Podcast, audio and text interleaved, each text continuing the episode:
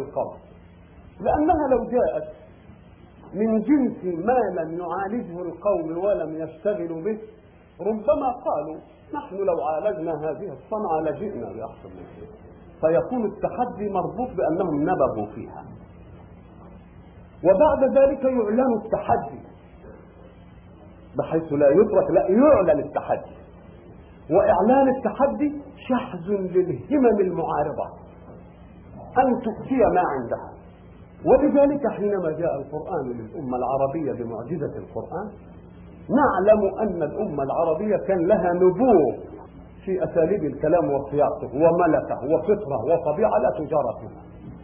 فكان مجيء القرآن من نوع الأساليب ومن نوع البلاغة ومن نوع الفصاحة إنما جاء من جنس ما نظر فيه القول. بحيث لا يستطيعون أن يقولوا لو ارتضنا على ذلك لجئنا به. وبعد ذلك يأتي القرآن بمراحل للتحدي. يقول هاتوا قرآن مثله. وبعدين يقول هاتوا عشر سور هاتوا سورة. الانحياز في التحدي أو التقليد في المتحدى به يدل على تمكن المتحدي من أنه لا يمكن أبدا أنهم يفعلون ولذلك تأتي صور القرآن لتدلل على هذا فالمثل عجزوا عنه عشر صور عجز عنه لا ينتقل إلى عشر صور بعد المثل إلا إذا كان ثبت العجز عن المثل. ولا ينتقل من عشر صور إلى صورة وبعد ذلك لم يقل مثل مثله بل جاء في آخر تحدي في سورة البقرة وهي مدنية. ماذا قال؟ فأتوا بسورة مش قال مثله؟ لا. من مثله ليه إيه الفرق بين مثله في التحدي ومن مثله؟ لأن المثل قد يظن فيه أنك هات مثلها تماما. إنما كلمة من مثله يعني مما يبدأ أن يكون مثله. من ضروري يتحقق فيه المثلية من كل وجوه. من؟ من دي ما الزايدة جاءت لتعبر على أن المثلية إن عجزت عنها فهات ولو شيء قريب منها.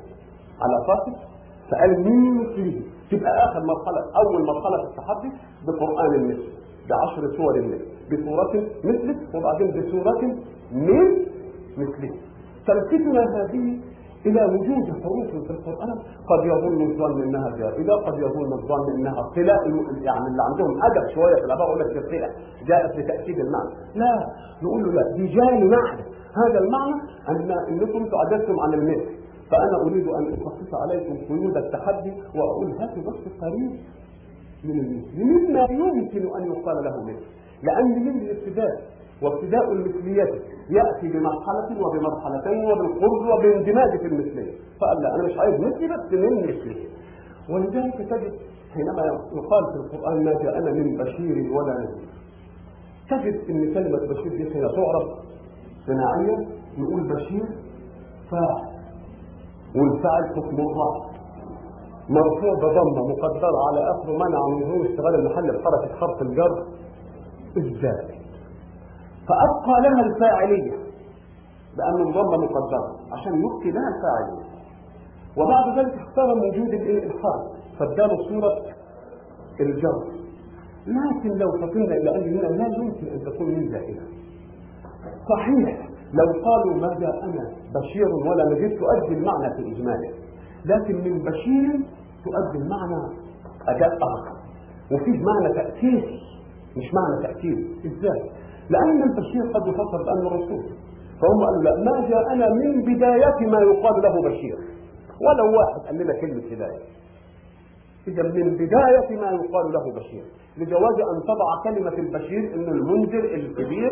قال لك لا من بداية ما تقول ما معي مال. يصح إنك ما معك مال يعتد به على أنه مال. إنما معك سبعة سبعة ريال. معك ريال واحد. فما اعتدتش بهذا القدر على أن يكون مال. لكن حين تقول ما معي من مال أي من بداية ما يقال له مال. ولا هلل إذا فمن بشير ابلغ وأدل على معنى تاسيسي ليس معنى ولا تقولش زي ده ابدا فالتحدي اذا بالمثل للقرآن ثم بعشر سور مثله ثم بسورة مثله ثم بسورة من مثله. وقد عجزوا عجزنا إحنا الآن لا يعتبر حجه لماذا؟ لأن الملكة العربية أصبحت فينا جميعا ملكة مصنوعة. مش ملكة فطرية كلنا ملكة مصنوعة. فما نجيش تقول عجزنا إحنا الآن صدق لا عجز اللي كانوا بيتكلموا بالملكة وبالسليقة وبالصرف لماذا؟ قال لك لأن دلوقتي إن لم أتعلم التقعيد لا أستطيع أن أنطق كلمة صحيحة. ليه؟ قال لك لأن أذني كما تسمع يحكي لساني. وأنا أسمع كلاما مرسولا كلاما محرفا كلاما بسيطا فكما سمعت أقول لكن العربي القديم الذي لم يكن يسمع ملحونا كان لسانه يتكلم الفصيحة بطبعه. كما نتكلم نحن العامية الآن. بدون معلم وبدون قاعدة وبدون أن يقال لي فاعل ودي مفعول ودي في جر ما فيش إذا فالفصيحة زمان كانت تحدي له. الآن ما احناش موضوع للتحدي. في القديم موضوع للتحدي. عجز العرب عن هذا يدل على أن الملكة الفطرية الطبيعية عجزت فعجز الملكة المصنوعة من باب أولى. وإن كان بعض الناس قد حاول أن يصنع شيئا يقال له القرآن بعضهم صنعها رياضة ذهنية صحيح القرآن لما يستطيع أحد يقول فالذين لهم قوة على أساليب البيان ورياضة على التعبير حاولوا هذه المحاولة المتنبي حاولها المعري حاولها ابن المقطع حاولها. لعل ذلك منهم كان محاولة. لما أدرك أنه حين يعالج لا يدرك أيضا فعالجوها وانتهت المسألة. وبعد ذلك جاء أناس وادعوا رسالات وقالوا كلام حتى عند السامعين. في زمانهم كانوا يعتبرونه قرآن لك والصاحنات صحنا والعاجنات عجنا والخابزات خبزا كلام هراء كله. كل ده كلام هراء إذا فالقرآن ثبت أنهم عجزوا لأن لو كانوا يستطيعون أن يردوا دعوى رسول الله صلى الله عليه وسلم بكلام من عندهم ما كان أغلاهم أن يقفوا منه مواقف الحرب ويقولوا كلام زي هذا. ما حصل. عجزهم هذا اختلف فيه العلماء. بعضهم يرى أنهم صرفوا صرفوا. وإن كانت نظرية الصرفة إن آمنوا بها أن الله صرفهم عن أن يقولوا مثله برضه تؤدي صدق رسول الله. ولكن لا تعطي القرآن منزلته البلاغية الذاتية. أي بمعنى أنهم لو لم يصرفوا لكان من الممكن. أن يحاولوا. نقول له يا شيخ في ناس حاولوا. ومع ذلك ما استطاعوش وهم نفسهم اقتنعوا وكفروا ذلك على أنفسهم. لا شك أنهم كفروه لماذا؟ لأنهم حينما عرضوه على نماذج القرآن ما وجدوه. ثم لماذا نفعل؟ ما هي أساس الفصاحة البلاغة والفصاحة عندنا في أعرافنا. أساس البلاغة الأصيل أن المتكلم يستطيع أن يطابق بكلام مقتضى حال مخاطبه. مقتضى حال مخاطبه. إذا فالمتكلم يعرف حال المخاطب ثم يأتي بكلام يطابق حاله الذي فيه. معرفة أحوال حال المخاطب تخضع لمعرفة أحوال نفسه كلها وملكاته. وهذا أمر يختلف فيه البشر فالخطباء يتكلمون في موضوع واحد. واحد منهم يعجب عجبا كبيرا وواحد نص عجب وواحد يبقى ساكت لماذا؟ لأن الأول استطاع أن يطابق بكلامه أحوال السامعين. فحينما مس أوتار السامعين ومس الأحوال النفسية جاء كلامه معجبا مطربا والثاني نفس الأحوال عرفها والبعض ما عرفها والثالث ما عرف ولا قال إذا فتفاوت كلام المتكلمين في موضوع واحد يتفاوت. بتفاوت فأي شيء يتفاوت بعلمهم لحال السامعين. ولكن الحق لا يخفى عليه حال من حال السامعين. مش حال واحد أحوال السامعين جميعا. إذا فما دام نطبق الكلام لمقتضى الحال المتكلم وهو الله لا تخفى عليه حال من الحالات. إذا وأيضا قد يكون إنسان عنده خبرة بأحوال بعض السامعين أو بعض الأحوال ولكنه يعجز أن يأتي بالخصوصيات الكلامية التي توافق تلك الحال ولكن الحق كما لم يعوزه حال من أحوال السامعين بل استقصاها كلها وعرفها ولم تخفى عليه خاطئة كذلك عنده القدرة الشاملة لكل الخصوصيات الموردة التي تنطبق على الأفعال إذا فإذا كانت قمة البلاغة هي مطابقة الكلام لمقتضى حال السامعين فمنهجيا يكون كلام الله كلام الله جل وعلا أبلغ كلام لأن من ناحية الأحوال استيفاء معرفة ومن ناحية الخصوصيات استيفاء قدرة. ويأتي بعده الرسول لأن إعلامه بالأحوال مش بطريقة البشر. بل له وسيلة إعلامية أخرى ولكنها لا تصل إلى إلى إلى منزلة معلم. لذلك كان كلام رسول الله صلى الله عليه وسلم في المنزلة الثانية التاليه للقرآن. ثم يتفاوت الناس بقدر علمهم بالأحوال وبقدر مقدرتهم على إيراد الخصوصيات. إذا منهجيا لازم يكون كلام الله أبلغ كلام. وأيضا الكلام لم ينشئ الله له حروفا. هو لم ينشئ كلمات. وإنما أنشأ أساليب. أو الأساليب هي صفة. كلام صفة. الواحد منا يأخذ من الحروف الثمانية وعشرين المعروفة دي يوجد كلمات ومن الكلمات يركب جمل. يركبها على قدر ما قلنا من معرفة الأحوال ومن القدرة. فإذا كان الحق سبحانه وتعالى هو الذي يقول من حروف بحروفنا. ويقول بكلماتنا ولم حروف لا جديدة ولا ولا كلمات جديدة هي الحروف وهي الكلمات. يبقى البراعة جت فين؟ البراعة في الأسلوب في الصياغة المؤدية للمعاني النفسية للمخاطبين الصياغة المؤدية لها ألوان. قد تكون شعرا وقد تكون نثرا ومفهوم قدير إن الشعر ده هو الذي يستولي على العاطفة وعلى الوجدانات وعلى إلى آخره. والنثر برضه جميل إلا أنه ما يصيرش في هذا. فإذا جئنا للقرآن وجئنا لأي أسلوب من أساليب البشر. نجد أن الإنسان إذا قرأ قطعة نثريه من كلام مرسل ثم جيء في اثنائها بشطر من الشعر أو ببيت من الشعر. تجد أن الأذن انتقلت فجأة من كلام مرسل إلى كلام منغوم له جار وبعد ذلك حين يترك بيت الشعر أو الشطرة ينتقل إلى كلام مرسل. فالأذن تحس بأنه حينما جاءت شطرة الشعر إذا جاء بيت الشعر أن الأذن انتقلت إلى كلام آخر. له جرس وله نغم وتستطيب النفس. لكن إذا ما قرأ الإنسان القرآن قرأه نثرا ومنثرا وبعد ذلك وجد نفسه أمام بعض التراكيب. هذه التراكيب إذا استقلت تجدها زي الشعر تماما. كالأبيات التي تأتي في مضمون نثر الناس. ولكنك لا تلمح أبدا أنك انتقلت من نثر إلى شعر. فالانسجام تام بحيث تقرأ النفس وتقرأ ما هو على وزن الشعر قد يكون بيتا كاملا. ولا تدري أنك انتقلت إلى نغم جديد. فما الذي أعطى لأسلوب النفس القوة التأثيرية الجرسية النغمية؟ بحيث لا تختل بالجرس المنظم في بيت من الشعر وتنتقل بالبيت من الشعر إلى غيره. تقرأ مثلا قول الله سبحانه وتعالى ونزعنا ما في صدورهم من غل إخوانا على سرر متقابلين كلام عادي لا يمسهم فيها نصر. وما هم منها بمخرجين نبئ عبادي أني أنا الغفور الرحيم. أوه. لما تيجي تنبئ عبادي أني أنا الغفور الرحيم تجدها بيت من المكتب نبئ عبادي أني أنا الغفور الرحيم.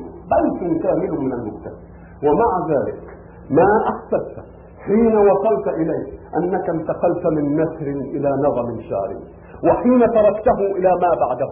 أنك انتقلت من نغم شعري إلى نغم نثري أبدا. لماذا؟ فكأن القرآن أسلوب واحد نسيج واحد بحيث لا يستطيع أن يتميز فيه. ما يكون نثرا على طريقنا مما يكون شعرا على طريقه. وبعد ذلك تقرأ آيات كثيرة.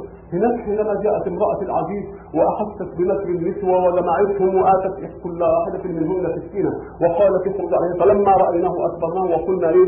ما هذا بشر إن هذا إلا ملك كريم قالت فذلكن الذي لمتنني فيه.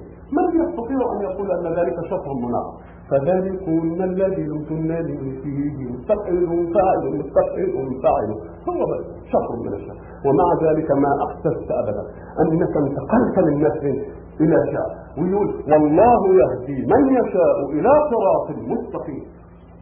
من الشعر من الكامل ومع ذلك حين تقرأ لا تحس أبدا أنك انتقلت من نثر إلى شعر وحين تتركه أنك انتقلت من شعر إلى نثر بحيث تحدث في الأذن قدر هذا من ناحية الأثرية. أيضا من ناحية الموضوعات التي يتناولها. تجد أن الحكماء لهم أسلوبهم الخاص. هذا الأسلوب إنما يخاطب العقل بالبرهان وبالمنطق وبالمقدمات وبالنتائج.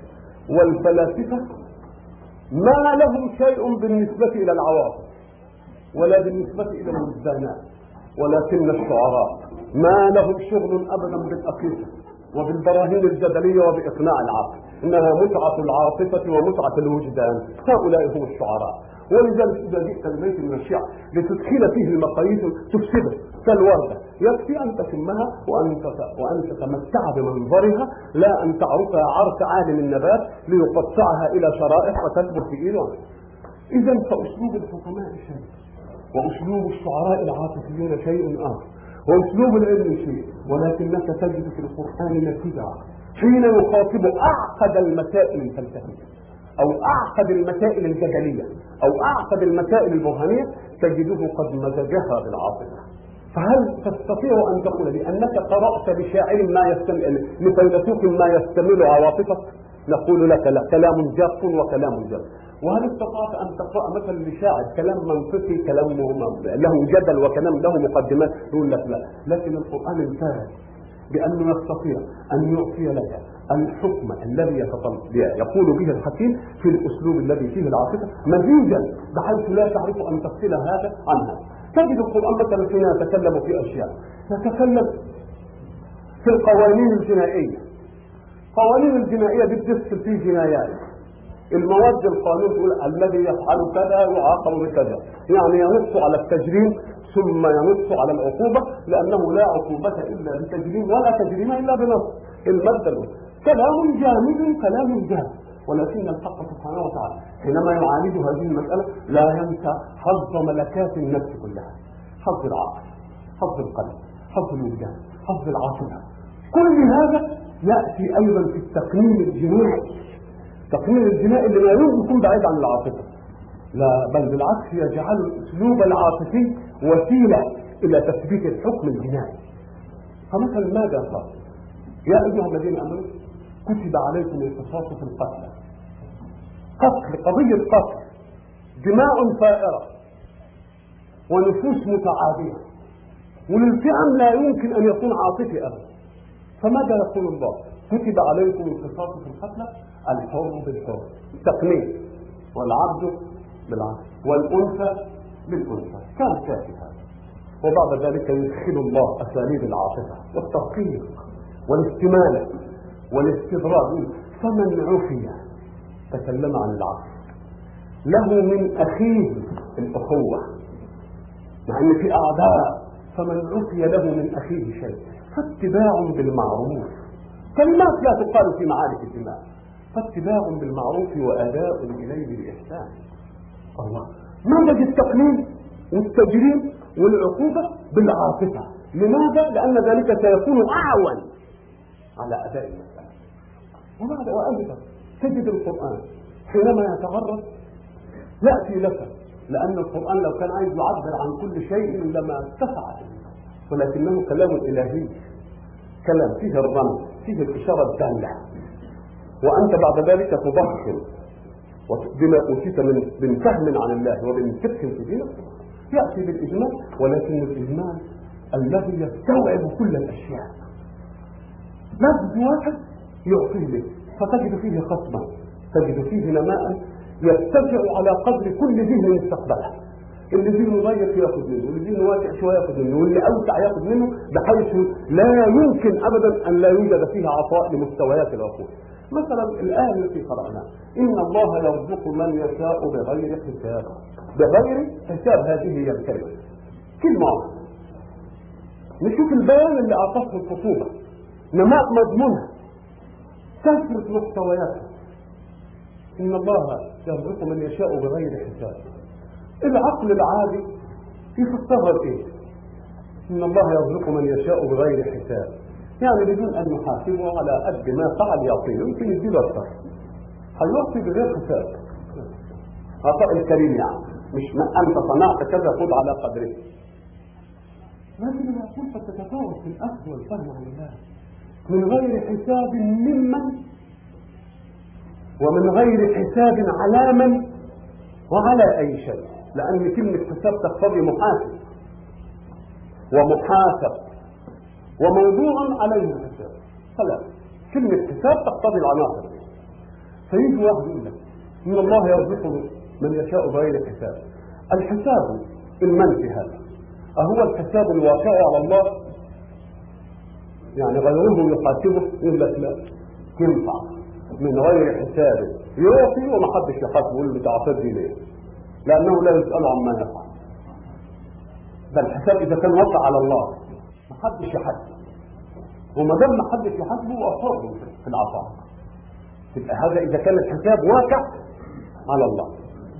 وقد يكون الحساب من, من مش من غير الله من الله على نفسه. زي كان الانسان يصنع الشيء ثم يبتدئ يحاسبه نفسه. يقول لك ولا هذه أيضا لأنه حاسب نفسه ليش؟ هل لما يرزق ينقص مما عنده؟ طب أنا بحاسب نفسي لأنني إذا أنفقت أكثر هينقص من اللي عندي. يمكن اللي عندي ده كان لأشياء أخرى. لكن ما عندكم ينفد وما عند الله باق اذا فالحساب لا يقع على الله لا من غيره عليه ولا منه على نفسه. ماشي وقد يكون من غير حساب من الله للخلق.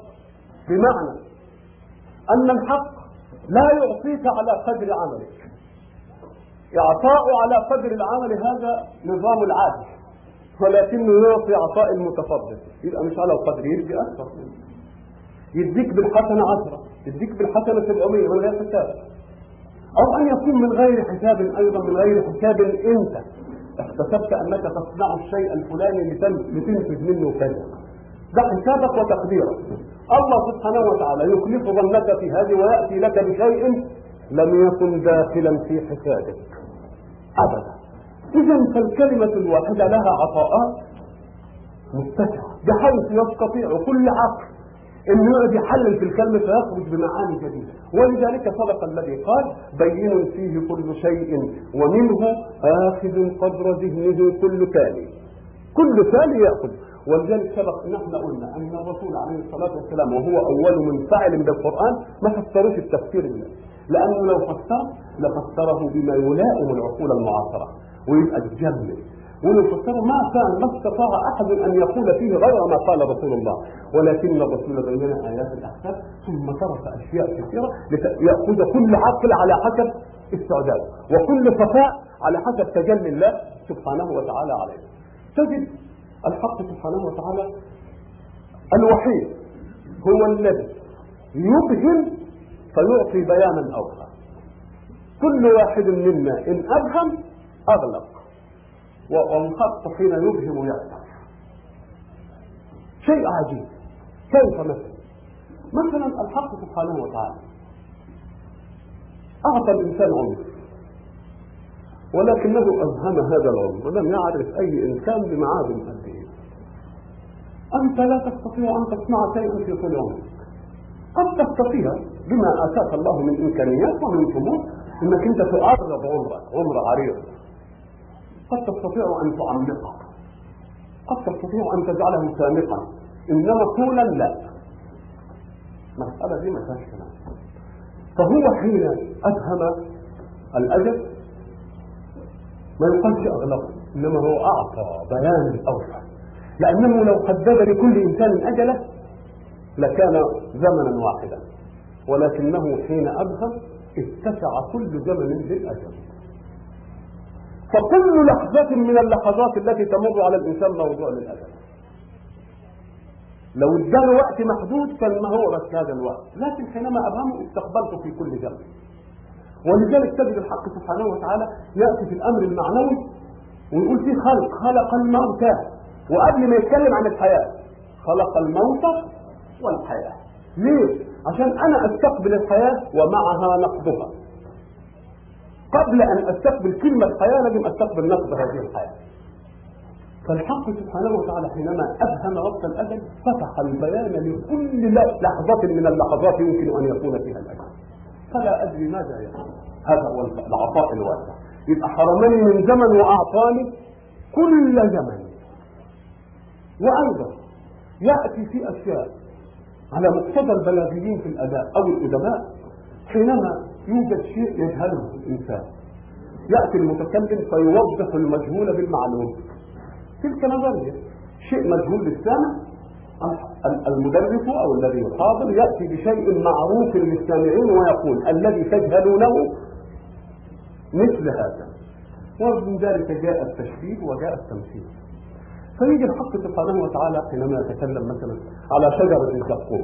شجرة الزقوم دي في الآخر. أعاذنا الله من رؤيتها ومن ثمارها. لا نعلم لا نعرفها في الآخر. ولكن يريد أن يدينا صورة له فعلى غير طريقة الناس. الناس يأتون بالمعلوم ليبردوا به المجهول. الله يأتي بالمجهول ويبرده بالمجهول. بالمجهول ويبرده يبينه بالمجهول. كيف؟ يقول إيه؟ إنها شجرة تخرج في أصل الجحيم. اوانها ليس ما نعرفها طلعها كأنه رؤوس الشياطين. ومن منا رأى الشيطان ورأى رأى مسألة عجيبة. يوم يجي على حسب مقاييس الكلام في الناس يقول له يا أخي الله عبر عن المجهول في المجهول يقول له لا إنما أعطى البيان الواضح. لماذا؟ قال لك لأن الله يريد أن يبشع ثمر الشجرة. يقبحها والقبح له صور. كل عقل له في القبح ملحظ. مفيش قبح كده الناس يجمعوا عليه. القبح في هذا قد يتصوره غير القبح عند الثاني. آه. ولذلك إذا جئت لرسام الكاريكاتور في الدنيا كلها من يوم أن خلق الكاريكاتور إلى الآن وقلت له ارسموا لي صورة رأس الشيطان. واخذ كل واحد ورقة وقلم وقعد يلون ويعمل ظلال ليجي بصورة الشيطان تمسك الصور كلها فلا تجد صورة متفقة مع الصورة لماذا؟ قال لك لأن التصور الذهني للشيء المرعب بيختلف حسب انفعال الراكب فكل واحد يتصور القدس بناحية من النواحي. إذا فقد صور كثيرة للقدس فلو أن الحق عرف طبع شجر الزقوم بصورة محددة من القدس لما استوفت ما في عقول الناس. فقال الشيطان وأن تتخيل في الشيطان ما شئت من صور القدس إذا معناه أنه لم يحدث خطأ. فأنت تأخذ من صورة الشيطان في القدس كل واحد يأخذ الصورة المبدعة فيه. يبقى إذا لم يحددها لماذا؟ ليجمدها ولا ليقصدها وليكسرها؟ فقال طلعها كأنه رؤوس الشياطين. والشيطان معنى شغل أذهان الناس وكل واحد يتصور فيه صوره في القدس غير الصورة الأخرى. فلو أنه حدد ربما كانت قبيحه عند البعض ولم تكن قبيحة عند البعض الآخر. فجاء بالشيء اللي بيقوله البلاغين وهمي كل واحد يتوهم. فلما نتوهم الصورة تشير والصورة كل نفس هتتخيل في شجرة الزقوم ما يمكن أن يكون مبشعا لها. ذلك سر القرآن. تجد بقى القرآن أيضا. خطأته أنك هو كلام الله. وكما قلنا من الحروف هذه لا تتكلم ومن الكلمات هي. ما جاء بحروف جديدة ولا كلمات. ولكن الحق سبحانه وتعالى هو الذي يتكلم. فإذا تكلم بحروفه وبحروف هذا وبكلماتنا صياغته هي صياغة فيها حياة. الناس يأخذون من مادة الأرض. بعض عناصرها شرا لمثل. وبعد ذلك يبتكرون له أشياء تكسره تخليه سائل ويعملوا منه زجاج. ويخترعوا مواد تصفي الزجاج دي من الأكبار عشان الزجاج يجي صافي. ويخترعوا أشياء علشان يبقى الزجاج متماسك ما ينكسرش. ترقي في الصنعة. ولكنك تجد أنهم حينما أخذوا من مادة الأرض وصنعوا أشياء جمدت الصنعة على ما صنعوا. كوب يعني كوب. فلم يكن لم يصنعوا كوبا صغيرا ثم يكبر عشان يبقى ساتا كبير كوب على قد ما صنعوه يفضل جامد على ما صنعوه إذا أتيت بكوب وكوب ووضعتهم معا لا يتكاثران. إذا فالحق. أخذ أيضا من مادة الأرض كما أخذ من كما من مادة الكلام بتاعنا وقال كلام فطلع فيه حياة فيه نوم.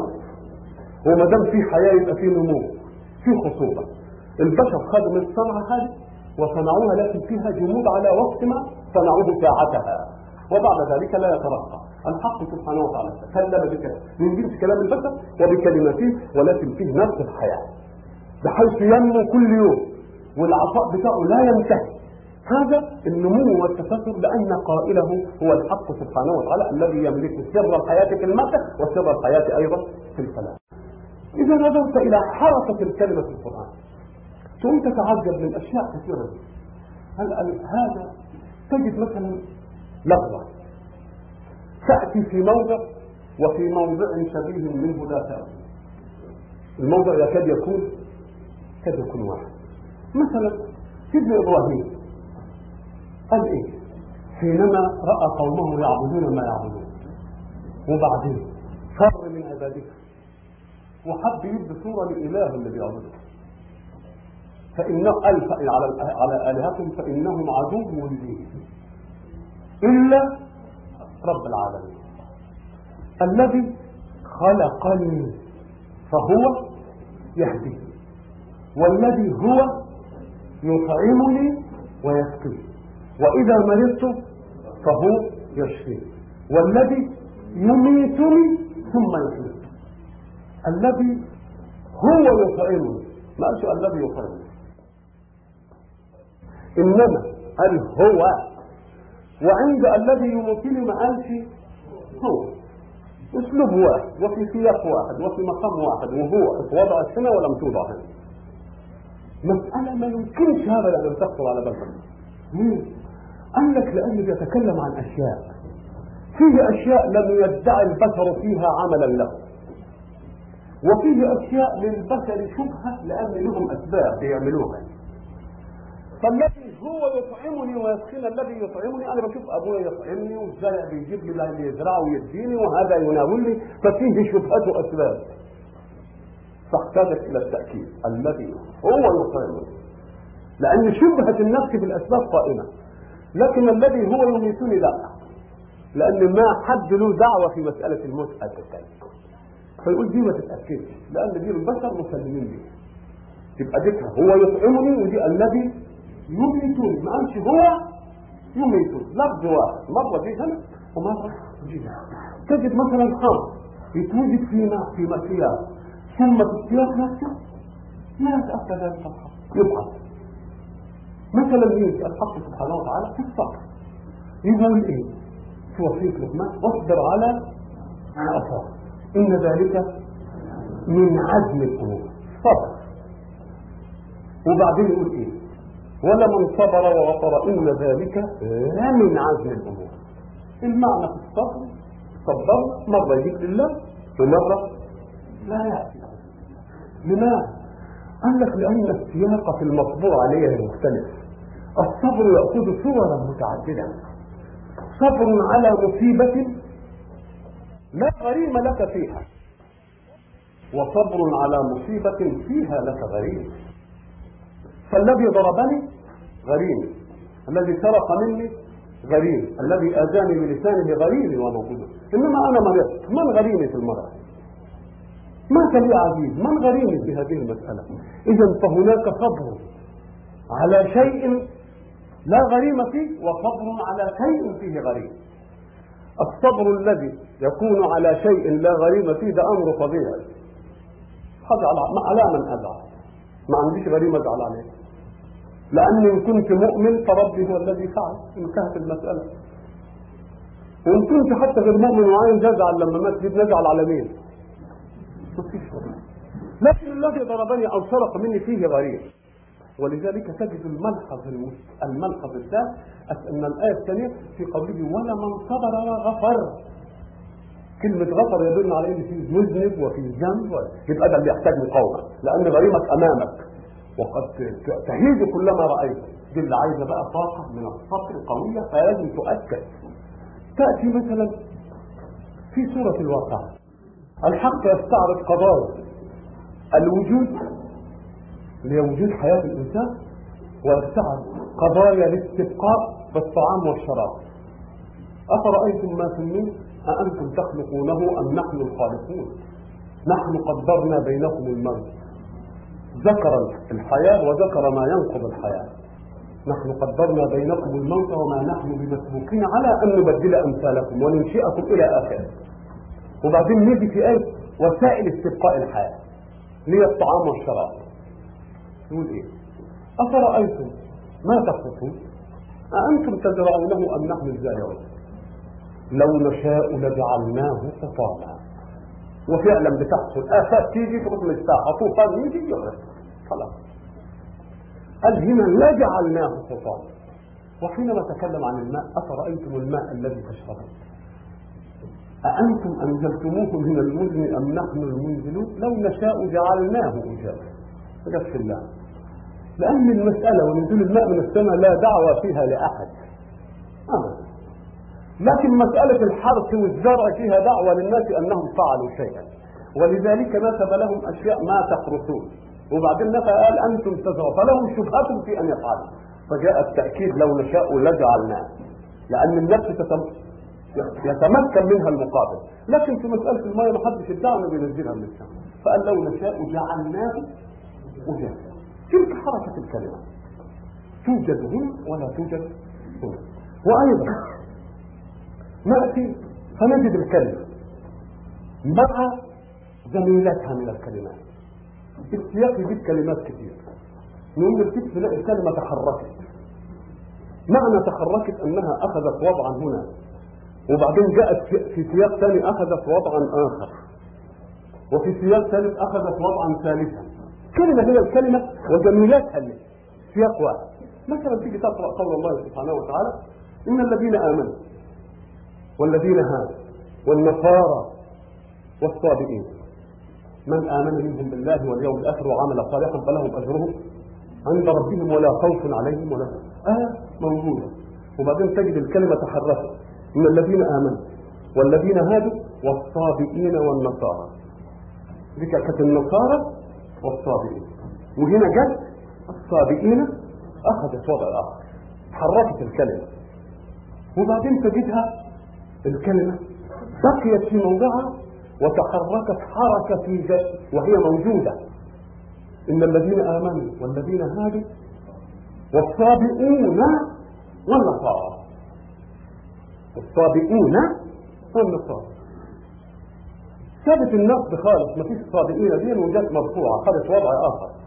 تقوم انت تيجي تقرا هذا كلام الله وهذا كلام الله وهذا كلام الله. أي آيات أبلغ منه؟ اللي تقدمت فيها النصارى على الصابئين ولا الصابئين على النصارى ولا أنت نصبت نصبت الصابئين ولا لا رفعتها لا تستطيع أن تقول هنا أبلغ. كل آية في مكانها بليغة. والموضع لا يمكن أن يؤدى بغيرها. لماذا؟ قال لك لأن الحق سبحانه وتعالى تكلم عن الأديان. الأديان لها وجود زمني ولها شهرة كمية الوجود الزمني شيء وشهرة الكمية شيء الصابئين بالنسبة للنصارى واليهود طائفة قليلة. من ناحية الكم ومن ناحية الوجود. صابئة قبل النصارى. فإذا أراد لها التأريخ الزمني يقول إن الذين آمنوا والذين هادوا والصابئين والنصارى. وإن أراد الكمية يقول والنصارى والصابئين. طب الآية الثالثة تيجي لماذا؟ للكمية ولا لل آه. يبقى لازم الآية الثالثة. يكون فيها شبه من هذه وشبه من هذه. لأنها إن وزعت جامد يبقى اثنين خدم موضع وواحدة خدت موضع. فلا بد أن تكون الآية الثانية. تظل فيها الكلمة في مكانها. ثم تأخذ حكما آخر. علشان تعطي العطائين معا عطاء الآية الأولى وعطاء الآية الثانية. كلمة الصابون دي بتاع المدرسة ما الإعرابي عن النفس؟ النقص دلت على أن فيه رافع له. هذا الرافع لا يمكن أن يكون إلا من عصر الجمعة يبقى والصابئون كذلك. والصابئون كذلك. طب ولماذا ما أخرهاش وقال إن الذين آمنوا والذين هادوا والنصارى والصابئين كذلك. قال لك لا. هو خلاها في موضعها حتى يكون موضعها أسبق من النصارى فتعطي تأييد للأولاد. وتغيير حكمها يجعلها مؤخرة. لأن ما يقولش والصادقون كذلك إلا إذا قدرتها جملة اسمية ولا يعطف أبدا إلا بعد استيفاء الكلام. فكأن إن الذين آمنوا والذين هادوا وبعد ذلك تأتي النصارى والصادقون كذلك. فرفعها أعطاها مرتبة التأخير. علشان تعطف جملة على جملة. ووضعها في مكانها أعطى مرتبة التقديم فكانت الآية حركتها تعطي كل هذه المعاني وهذه الأبعاد. وأيضا إذا نظرت إلى كلمة مع كلمة لو أنها نسق واحد كده في غفلة المتكلم يقولوا ولكن تجد كل آيات مغفرة وآيات عذاب في القرآن. كل الآيات يغفر لمن يشاء ويعذب من يشاء. إلا ما جاء على لسان سيدنا عيسى إن تعذبهم فإنهم عبادك وإن تغفر لهم فإنك أنت العزيز الحكيم. إحنا بنتكلم على الكلام اللي مش على لسان بتتكلم على الله. كلها يغفر لمن يشاء ويعذبه من يشاء ولذلك المفسرين يجدوا يسر يقول لك لأن رحمته سبقت. إلا آية واحدة في القرآن. تلاقي الكلمة تحركت فيها حركة ثانية خالص. وراحت جاية مقام يغفر وواحدة كلمة يعذب أن يعذب من يشاء ويغفر لمن يشاء. كلمة متى نقول بالسياق مختلف كيف؟ قال لك لأن هذه الآية إنما جاءت في العقوبات الدنيوية عند قوله والسارق والسارقة فاقطعوا. جزاء مطلوب منا أن نفعله ولذلك جاء في هذه فمن تاب بعد ذلك وأصلح فإن الله إيه؟ يتوب عليه. كده ثم غفور رحيم. ألم ترى أن الله له ملك السماوات والأرض يعذب من يشاء ويغفر هي دي الوحيدة لماذا؟ لأن الكلام في عقوبة دنيوية. عقوبة قطع وعقوبة لو جاب المغفرة تبقى المسألة يعني يقول لك لا. لا. يعذب من يشاء لأن هذه عقوبة الدنيا العاجلة. تجد أيضا قد يبدو للشيء أن السياق في آيات كثيرة واحد نقول له لا. قد يكون المعنى الإجمالي واحد المعنى الإجمالي واحد ولكن عند التحقيق ليس واحد. مثلا آية النهي عن قتل الأولاد. تجد آية جاءت تقول إيه؟ نحن نرزقهم وإياكم وآية ثانية قالت نحن نرزقكم وإياهم. التضحية ولا التفنن في التعبير؟ مرة جاب هذه ومرة لا. شوف السياق سياق الكلام. صدر الآية يتطلب ما بعدها. بحيث لو جاء دونها غيرها يبقى ما ينفعش السياق. قل لأن الخطاب في أمرين مختلفين. في الجملة هما قتل الأولاد عشان الفرق فقير قبل أن يشغل برزق ابنه مشغول برزق نفسه ولكن الغني الذي يخاف إن جاء الولد أن يفتكر يأخذ منه. آه. ولذلك دي لا تقتلوا أولادكم من إملاق نحن نرزقكم. وإياهم كلام منطقي. ولكن لا تقتلوا أولادكم خشية إملاق نحن نرزقهم. أن خوف الفقر من الولد. قال له نحن نرزقهم وإياكم. وبعد ذلك تبدو؟ تسجيل آية يقول وإن تعدوا نعمة الله لا تحصوها. سياق واحد النعمة وأنها كثيرة. إن الله لغفور رحيم. يجي في آية الثانية يقول وإن تعدوا نعمة الله لا تحصوها. إن الإنسان لظلوم كفار. انتقلت من هنا. ليش؟ قال لك نعم لأن النعمة لها عناصر النعمة منعم ومنعم عليه من ناحية النعمة في ذاتها كثيرة لا تحصى لكن من ناحية المنعم ومن ناحية المنعم عليه هل المنعم عليه يستقبل نعمة الله لما تستحق بأن لا يصرفها إلا في طاعته؟ لا بيصرفها في معصيته. طب ما دام بيصرفها في معصيته الله يقبل عنه هذه النعمة. قال لك لا. إنما أنعم لأنه غفور رحيم. واداك المقابل والإنسان ظلوم كفار. فهو مرة ينظر إلى سياق المنعم عليه وأنه ظلوم كفار. ومن ناحية أخرى ينظر إلى المنعم أنه غفور رحيم. فدوام نعمه بصفة الغفران والرحمة لا بصفة الاستحقاق منهم لأنهم ظلوم كفار. ولا أن تنعم على المستحق ولا تنعم على غير المستحق. على غير المستحق ما دام ظالم وكفار نعم الله دائما عليك إذا هذا السياق مختلف. إذا تجاوزنا الأساليب القرآنية أن دي مسألة يعني يطول شرحها. نريد نقول هذا الأخذ بالأساليب إنما لأصحاب الملكة أصحاب الملكة العربية. والأمة اللي أرسل إليها الرسول أرسل إلى الناس كافة. لا يأخذون بهذه الأساليب. كان ولا بد أن توجد نواحي شتى في الإعجاز نواحي تتعلق بحواجز الغيب كلها. الزمن ماضيا كان أو حاضرا أو مستقبلا. وهذا أمر يشترك فيه العرب وغير العرب. والذين عاصروا رسول الله والذين جاءوا بعده. ثم يجي الرسول صلى الله عليه وسلم وهو أول فعل بالقرآن يكاد يعطينا ثبت بنواحي الإعجاز فيه. الإمام علي رضوان الله عليه قال كنا عند رسول الله فذكر الفتنة. فقلنا وما المخرج منها يا رسول الله؟ قال كتاب الله. إحنا نريد أن نأخذ من الرسول اللي هو أول من انفعل بالقرآن خصائص في القرآن. كتاب الله. فيه نبأ ما قبله أخبار الماضي وفصل ما بينكم. الحاضر. وخبر ما بعده. وهو الفصل ليس بالهدف وهو الذكر الحكيم. وهو حبل الله المتين. وهو الصراط المستقيم. من تركه من جبار قصمه الله. ومن ابتغى الهدى في غيره أضله الله.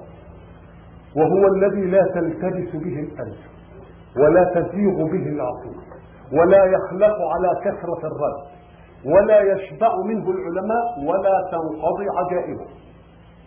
ملحظنا اللي نتكلم عنه الآن؟ لا يشبع منه العلماء ولا تنقضي على عجائبه ولا يخلق على كثرة الرد. الجن قالوا فيه إنا سمعنا قرآنا عجبا ثم أعطى الحكم النهائي قال من قال به صدق. ومن حكم به عدل. ومن اعتصم به فقد هدي إلى صراط مستقيم. كلمة لا يخلق على كثرة الرد في الدين ناحية جميل من نواحي الآثار. أي أثر أدبي تقرأه فتنفعل له. وبعد ذلك تقرأه مرة ثانية فتنفعل نفس الانفعال غير ما كان الانفعال قد نسي فإنه يجدد الانفعال. ثم بعد ذلك إذا قرأته تقرأه كافرا باردا.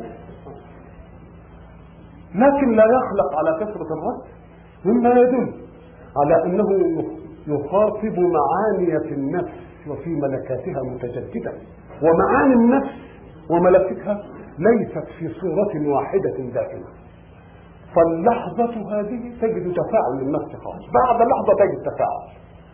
فإذا ما قرأته في أي وقت وجدت فيه الطاقة التي تمد ملكة من ملكات نفسك في أي وقت من أوقات تفاعلها. تجد الجمال فيه. ومعنى لا يشبع منه العلماء والعلماء أهل الاستنباط كأن كل ما استنبطوا يأتي أيضا استنباط. النهار وغدوة يأتي استنباط. خصوبة المحتوى نماء المضمون. ولا تنقضي عجائبه. فإذا نظرنا إلى نبأ قبلنا القرآن عدد وكانوا يسألون رسول الله أهل الكتاب لأنهم كانوا يفهمون أنهم هم أهل الثقافة الذين قرأوا الكتب والعرب أمة أمية فكانوا يسألونه عن أشياء. فكانت تأتي بما يثبت أنه قد علم وقد يعدل له. فمثلا عند أهل الكهف كانوا سألوا عن أهل الكهف وهم يعرفون 300 سنة ولكنهم يعرفون تسع سنين. ولبثوا في كهفهم 300 سنين وبعدين قال هو وازدادوا تسعة. هم عملوها بتسمير بتوقيت ميزان توقيتي والقرآن عملها بتوقيت آخر الهلال. لما تمسك 300 سنة تلاقيهم هم ال 11 يوم يجيبوا التسع سنين. تحت لهم فيقول وما كنت بجانب الطور إذ قضينا إلى موسى الأمر. لو أنهم علموا لرسول الله مجلسا يتعلم فيه أو واحدا يتفرج عليه أو كتابا قرأه لكان من الممكن أن يقال أنه قرأ. لكن بإجماعهم ما وما كنت بجانب الطور إذ قضينا إلى موسى الأمر. وما كنت من الشاهد وما كنت ساويا في أهل مدين. وما كنت بجانب الغربي. وما كنت لديهم إذ يلقون أقلامهم أيهم يكفل مريم. وما كنت لديهم إذ يختصمون. إذا الأنباء السابقة الذي لا يدعي الخصم أنك عرفتها تقول لهم عليها على وفق ما يكون عندهم ولذلك يبقى ده انبهار من الذي علمه؟ وهم لا. وهم يعلمون بالتأكيد. وإلا لو كانوا يعلمون غير ذلك لكان الرد سهل. وبعد ذلك يأتي في الزمن الحال. والأحداث اللي تجري في نفوس الناس يكشفها القرآن.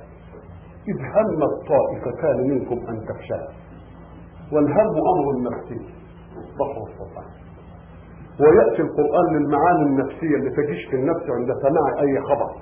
يعني حينما يريد الله سبحانه وتعالى أن يمنع المشركين من أن يقربوا المسجد الحرام. بعد ما قول الإسلام. الحق حينما يعلن هذا الإعلان يعلم ماذا يكون أثر ذلك الإعلان في نفوس السامعين لأنهم كانوا فاهمين المشركين بيجوا وقريش عند البيت وبيجوا الناس عرايا ويجوا ياخدوا منهم اللباس وبيجيبوا لهم الأشياء يعني ناس عايشين اقتصادهم مبني على هذه. فأول ما يجي يقول إنه عايز أمنع المشركين أول ما يقول في الذهن إيه؟ معنى الاقتصاد. يوم يقول إيه؟ إنما المشركون نجس فلا يقربوا المسجد الحرام بعد عامهم هذا. وبعدين يقفش النفوس كلها. وإن خفتم عيلة فسوف يغنيكم الله من فضله. اطمئن المسألة في بالك نعم. الشعب ويجي بأشياء كثيرة. بعد هذا في الزمن. مستقبل بالنسبة للقرآن نوع نوع كان مستقبلا ساعة قال الرسول بلاغ الله في القرآن. ونوع يعتبر مستقبل إلى آخر العمر. مستقبل كان وقت الإنجاز مستقبل. لكن بعد مضي مدة صار حاضرا شهده الرسول. فإذا كان الرسول عليه الصلاة والسلام يرى معسكرين معاصرين للدعوة كالمعسكرين الموجودين الآن معسكر شرقي ومعسكر هو هو. ودي برضه لا ديني وده برضه أهل كتاب حينما يكون الاختلاف في القمة الإلمانية تكون العداوة في القمة. كان الاختلاف مع دعوته صلى الله عليه وسلم ومع المعسكر الشرقي في فارس اختلاف في القمة. الإله وحدانية الإله. لكن الاختلاف اللي كان مع أمم الغرب مش في القمة. هم يؤمنون بأن في إله وفي إن رسل وأن كتب تنزل وكل حاجة الاختلاف عنده هو أن هو رسول لهم أو لا. إذا فالاختلاف الأول في القمة تبقى لازم العداوة في القمة. الاختلاف الثاني غير غير القمة تبقى العداوة. ولذلك إذا حدث صراع بينهما أن أكون مع الأعداء في القمة أم مع الأعداء في الحضيض. كانت نفوس المسلمين هكذا بفطرتها وبطبيعتها مع معسكر الروم. لأنهم على الأقل أهل كتاب يؤمنون بالله ما بيعرضهمش في قمة الإيمان. والثانية لا. فلما انتصر الثالث على الروم المسلمين خجلوا والكفار فرحوا لأنهم أقرب لهم. وحصل ما حصل. وبعد ذلك أنزل الله قرآنا يتلى. ويسجل. على أمر يأتي بعد بضع سنين. فيقوله رسول الله بكل جرأة وبكل شجاعة قرآن له سجله ويقرأه في الصلاة. تقرير له. شيء يحدث بعد بضع سنين. من الذي قال إن رسول الله يستطيع ببشريته أن يتحكم في ميزان القوى في الدنيا؟ يتحكم في ميزان القوى الفارس التي هزمت اليوم. ستنتصر في بضع سنين. تحكم في القوة إزاي ده لو كان وياه وهو يبيت وياهم ما يستطيع أن يتحكم في هذه المسألة. وقد تتحكم في معركة بعد معركة. يعني المعركة النهارده لازم تقول لا ينتصر بكرة لأنك تعرف من الأسباب ما أخفقهم فيها وتعرف عندهم من الأسباب. أما في بضع سنين مسألة مش ما يمكن. ومع ذلك محمد صلى الله عليه وسلم يستقبل الكلام بلاغا من ربه ويعلنه. غلبت الروم في أدنى الأرض وهم من بعد غلبهم سيغلبون في بضع سنين. لله الأمر من قبل ومن بعد. ويروح رابطها ويومئذ يفرح المؤمنون بنصر الله. حدثين تاريخيين. لا يستطيع بشر أن يتحكم في ميزان القوة ويتحكم أيضا في أمر يتعلق به. ويومئذ يفرح المؤمنون بنصر الله.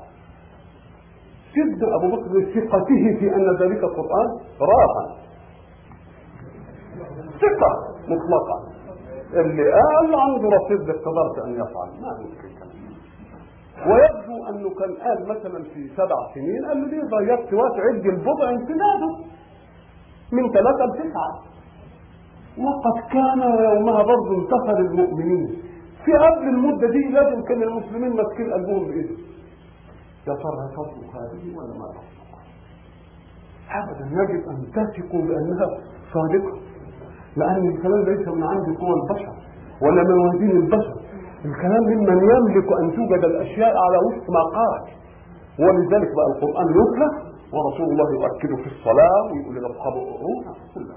وإلا لو كان قالها كده وبعدين يعني كلمة إن قالت كده وأوصلت لا قرآن يتلى وقرآن مسجل. والدقة بقى في التعبير القرآني في حركة الكلمة. ما قالش الإسلام من غلبت الروم في أدنى الأرض وهم من بعد غلبهم سيغلبون بعد بضع سنين. لا. قال في بضع سنين. في الظرفية دي لا معنى. هنا لأنه لو كان قال بعد بضع سنين كان يبقى معناها أمد النصر بعد بضع سنين. والنصر لا يأتي بيوم المعركة. إنما النصر في كل معركة يتأتى بالإعداد للمعركة. في بضع سنين دي كل ما تعمل شيء من شأنه أن يعينك على النصر وتستعد له في الأسباب اللي حطيت لبنة من لبنات النصر يبقى إذا سبب النصر لا يأتي بعد بضع سنين ولكن سائح في بضع سنين. كل عملية يعملها يبقى إذا بتساهم في عملية النصر مش يقعد كده ولا يعملش وبعد ذلك يقول لك النصر هيجي بعد ضربة لا إذا كلمة في إدت إشاعية أن في بضع وكذلك نحن ما نفتكرش أبدا ان سننتصر إلا إذا كنا من بعد الهزيمة مباشرة أعددنا في كل لحظة عده وكنا في اللحظة الثانية عدتنا أقوى من اللحظة الأولى. يبقى اذا اسبب النصر يكون منفاحا في بضع سنين الحق سبحانه وتعالى حينما قال ذلك وقاله رسول الله وجاءت المسائل دي المؤمنون ازدادوا ايمانا والكافرين. بشر كده أمي وفي امه أمية وعمال يتحكم في موازين القوى وبيقول لي كده قال لك لا. وإيه اللي يخلينا نستنى بعد بضع سنين وهم بخير كان لازم نجيب لهم حاجة وقتية. هي ساعة قالها لم تكن حاضرا وإنما يعني بها أمر مستقبل بس مستقبل قريب. وإلا فيقعدوا يقعدوا بضع سنين على ما يتاكدوا قال لك لا يجيب حاجات جزئية. مثلا الرسول توجه إلى بيت المقدس بأمر الله. فالله يقول له قد نرى تقلب وجهك في السماء إلى آخره وحنولك قبله ترضاها وبعدين في السياق ده بقول له بس لاحظ إننا حين نوجهك إلى القبلة الاصيله اللي أنت بتحبها سيقول السفهاء من الناس ما ولاهم عنه. سيقول إذا هو بيديله فكرة قبل أن يغير وقبل أن يقول يقول سيقول السفهاء من الناس. ومن العجيب إن القرآن يتلى ومكتوب وأعلن. وبعد ذلك اليهود لما حولت القبله برضه قالوا هذا الكلام. أغبياء. لما كانوش أغبياء كانت تكتب ولا قالوا ولا كلمة. وبعد ذلك لما نقلوه شيء لو ربنا قال له يا سيدي سنقول وإحنا ما قلنا ولا اتكلمنا إنما حتى الغباء استحكم في إن عندهم سلاح ما عرفوا يستغلوه. وقالوا فعلا. يبقى الحق سبحانه وتعالى الذي يتحكم في أمور مستقبلة. وهي في ظاهر الأمر في اختيار من يقول. ومع ذلك يقول سيقول وغبأهم أعماهم عن هذه وقالوا بالفعل. الرسول صلى الله عليه وسلم عودي من صناديد العرب. ولكن الذين عادوا أخذوا يتساقطون إيمانا به. مثلا خالد بن الوليد مثلا عمرو بن العاص مثلا عمر بن الخطاب. كانوا جبارين في كفر وبعد ذلك ماذا كان آمنوا. إذا فرسول الله كبشر لا يأمن.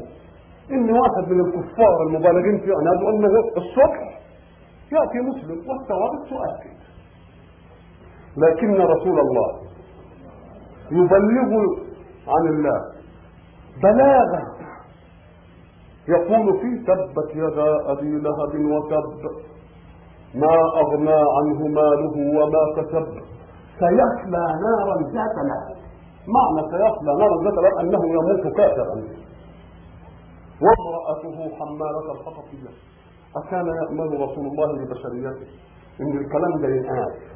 وبعد ذلك يجي أبو جهل ولو نفاقا. ويأتي أيها الناس أشهد أن لا إله إلا الله وأن محمد رسول الله فيصفق له المؤمنون. وبعد ذلك يطلع عليهم مثال ويقول طيب الدنيا بإيش سأصلى نارا ذات لهب. ما قولكم في قرآنكم؟ ومع ذلك لم يقلها أبو لهب وظلت قرآنا يتلى فيصلى نارا مع أن السورة تدل على أن في ناس كتير كفار زيه وآمنوا. لكن رسول الله قالها لأنها عن الله. والله الذي يعلم ما تكون عليه الأشياء ولا يمكن لأحد أبدا أن يخرج باختياره ولا بشيء من الأشياء عن حدود ما رسمه الله. ويظل سيصلى نارا ذات لهب وامرأته حمالة الحطب. هذا كان في عصره صلى الله عليه وسلم. في وقت كان حاضر وكان غير إنما حصل بالفعل. الحادثه بتاعت الروم في هذه الحوادث. يجي مثلا رسول الله صلى الله عليه وسلم ولد عمل فيه. وعمل فيه نحن نعرف إن أبرهة قصته حين يقص القرآن هذه الحادثة على رسول الله بعدما بعث كم معناها؟ ان الرسول بعث في سن الأربعين. خلاها قيمة في العقد الأول من الرسالة. كان قوم من الذين شاهدوا حادثة الفيل سنهم ستين سنة.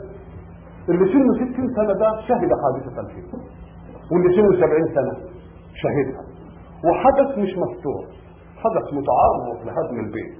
اللي هو عزهم اللي هو جههم اللي به كل السيادة فلا يمكن أن يمر على واحد من سن 20 أو سن 30 وإن كان 80 سنة يبقى سنه 40 سنة. دون أن يكون قد, قد علمه ووعاه. يوم لما يجي الحق سبحانه وتعالى ألم ترى كيف فعل ربك بأصحاب الفيل؟ ألم يجعل كيدهم في تضليل وأرسل عليهم طيرا أبابيل ترميهم بحجارة من سجيل فجعلهم كعصف مأكول. لو أن الأمر في حادث الفيل وقع على غير ما أخبر به القرآن. طير وحجارة. وجعلتهم كعصف مأكول لكان هناك دليل مادي أمام أصحاب الستين وأصحاب السبعين وأصحاب الثمانين. يقول لهم هذا أمر شهدتموه. أكان على وفق ما قال. لأن المسألة كما قال العقلانيون الذين يقدمون المسائل على الله أنها الميكروب أكان العرب يعرفون الميكروب طب أي ميكروب هذا؟ الميكروب الموجه اللي يجي بس على الكفار ويسيب التانيين مش فاهم وأي ميكروب هذا ذلك الميكروب اللي بمجرد ما يمس الجسم يبقى كعصف مأكول. والميكروب له مدة حضانة لازم مدة طويلة تتفاعل وبعدين يعمل اللي يعمله وبعد ذلك يموت يتلمم ويعمل رنق. اذا المساله ما يمكنش فالعقلانيين اللي جم العصر الحديث يريدون أن يسهلوا هذه المسألة على الله. يقول لك لا ده حكايه ميكروب والصيغ مش عارف إيه؟ آه يا ناس هو قال هو هو هو, هو حد بيقول إنني فعلت ولا الله هو الذي يقول فعل. ألم ترى كيف فعل ربك ما دام فعل ربك قوانينك مالها دعوه ولذلك تجد إن دقة القرآن في انه يشيل لفظ هو مراد في المعنى. ويضع لفظ ثاني كان يكفي هل رأى رسول الله تلك الحادثة؟ كان يقول له ألم تعلم؟ ولذلك المفسرون لك ألم ترى؟ ألم تعلم؟ ليه شاف ألم تعلم وحط ألم ترى؟ عشان ينبهني تنبيه قوي. إلى أن إخبار الله يجب أن يكون فوق الرؤيا والمشهد. ما دام قال الله يبقى كأنك شاف ألم ترى؟ يعني أنا إذا قلت الله يقول إذا قلت أنا يبقى يجب أن يكون إيمانك بها أقوى مما ترى. ولذلك خط ألم ترى مطرح ألم؟ ألم ترى. ودي عظمة القرآن إذا ساعة يدخل الإنسان في متاهة كونية تيجي القوانين تلفظه يقوم يديله لفظة واحدة فيها البلسم فيها العلاج فيها حكم الفهم الأول كده. ساعة ما يقبل على عملية. هذه العملية. البشر عقولهم فيها ترتدين يروح جاي في الأول كده كلمة. ولذلك تلمح قول الله سبحانه وتعالى في حادثة الإسراء مثلا. أول ما يستهيل يقول إيه؟ سبحانه وفيها المفتاح. كلمة سبحانه دي يعني تنزيها له عن قوانينكم. إياكم أن تأخذوا حادثة الإسراء والمعراج بقانونكم. وبرضه قالوا أرضية ما فهموا من كلمة سبحانه دي وبعدين قالوا نضرب إليها أكباد الإبل شهرا. مش كده وتدعي أنك أتيتها. يا ناس هو قال أنا ثريت لو قال أنا ثريت بنسبة الحدث لا كنت تعترض هذا الاعتراض. وإنما قال أثرى بي الله. وكل حدث لا يقارن بالمفعول عليه ولكن يقارن بفاعله. فإذا قال الله أثرى اعدل القوانين. ما هوش محمد اللي سرى ولذلك قال سبحانه وجاب مسألة الإسراء لأنها مسألة كونية أرضية.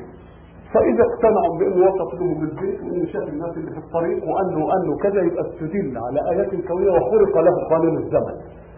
يؤخذ من هذه الأرضية دليل على صدقه في أخبار السماء ما دام القانون انخرق له. ما دام القانون انخرق له والناموس انخرق له فالذي خلقه له في الأرض هكذا يخلقه له في السماء هكذا. كل المفتاح جاي منين؟ من سبحانه. ساعة ما تيجي سبحانه خلاص. ما أبحثش ما أبحثش بحث آخر بعد ذلك يأتي المستقبل العام. ده كان كله مستقبل خاص. المستقبل الخاص ده اللي حصل في أيام وحصل عند الصالح خلاص انتهينا منه. صدامنا الآن مع العالم كله اللي مش مؤمن بالإسلام وبمنهج القرآن في المستقبل العام. اللي هيمتد إلى آخر الزمن. ما نقدرش نقول إن بلاغة القرآن تلوي آذان الإنجليز ولا الألماني ولا الروسي. لا. إنما اللي يلويهم الأشياء اللي نشترك معهم فيها.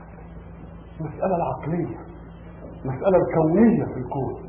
هذه خاصه بالمستقبل العام من القرآن. المستقبل العام من القرآن ده الله سبحانه وتعالى عالجه علاجا برقيا بالتلغراف. وعالجه علاج متوسط كده تليفوني يعني. وعالجه علاج كتاب.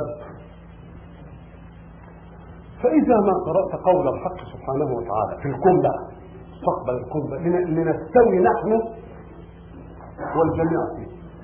نقول القرآن الله سبحانه وتعالى قال فيه أنني قلت أشياء فيصدقها من آمن بي ولكن الذي لا يؤمن بي يبقى في شك منه.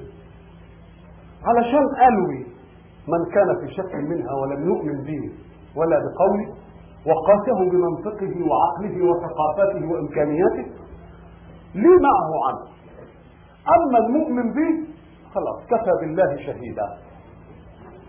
ساعة ما قال الله يبقى الله إزاي ما أعرفش هو قال كده وخلاص. هذا المؤمن.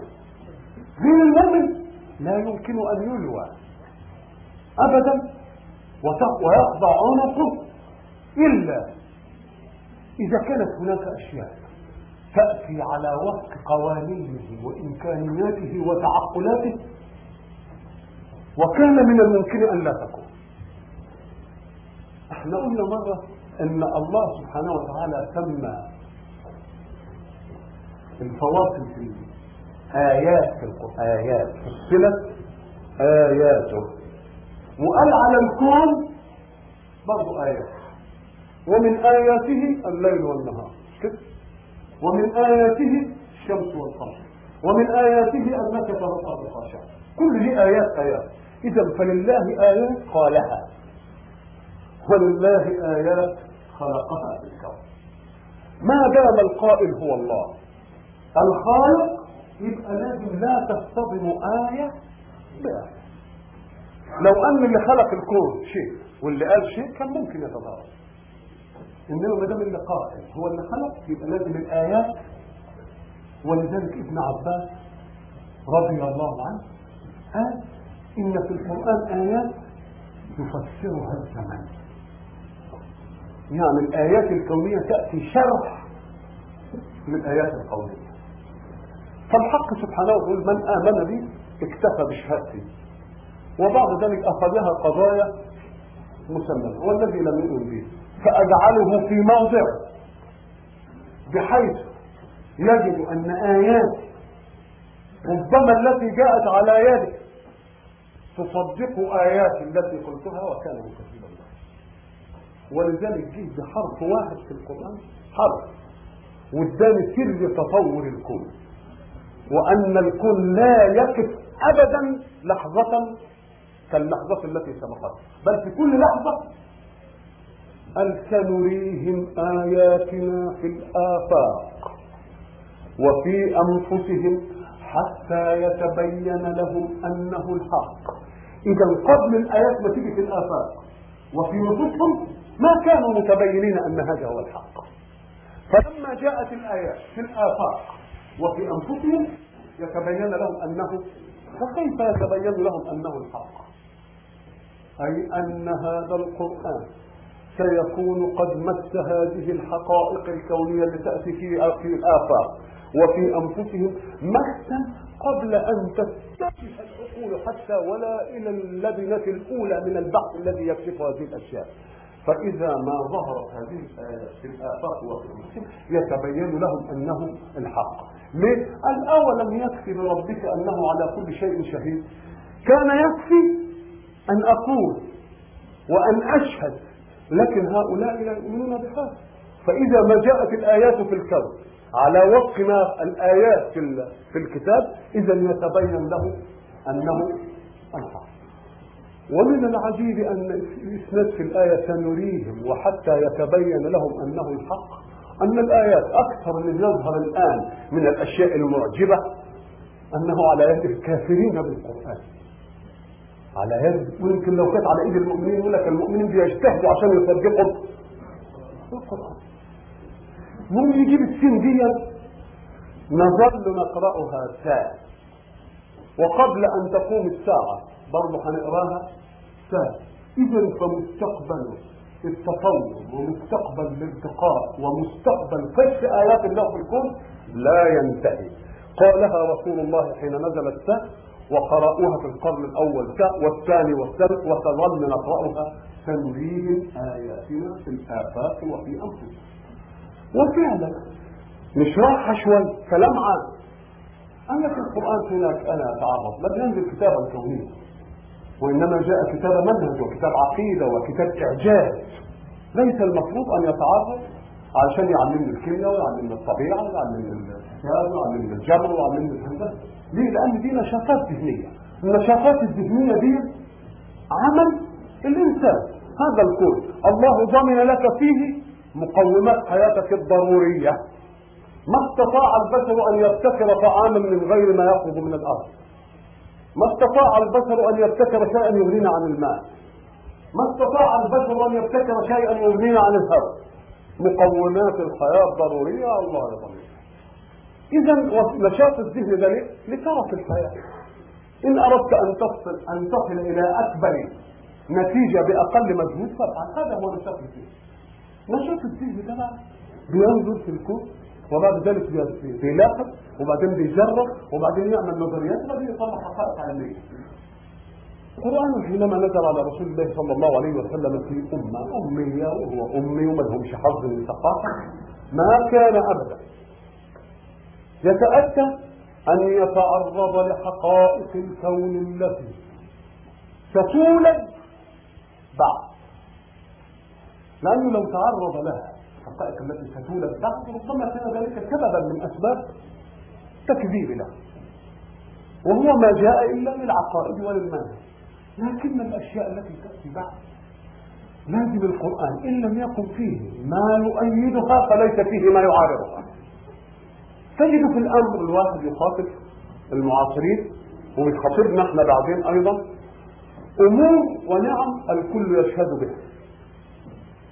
ومن جنسها شيء لم يشهد لم يولد بعد. فلا يجمد القرآن عندما رؤي.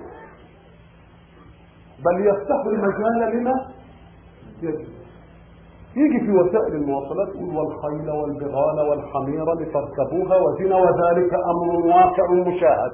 ما يمكن حد يعرف فيه وبعدين قال كده كلمه مجمله ويخلق ما لا تعلمون.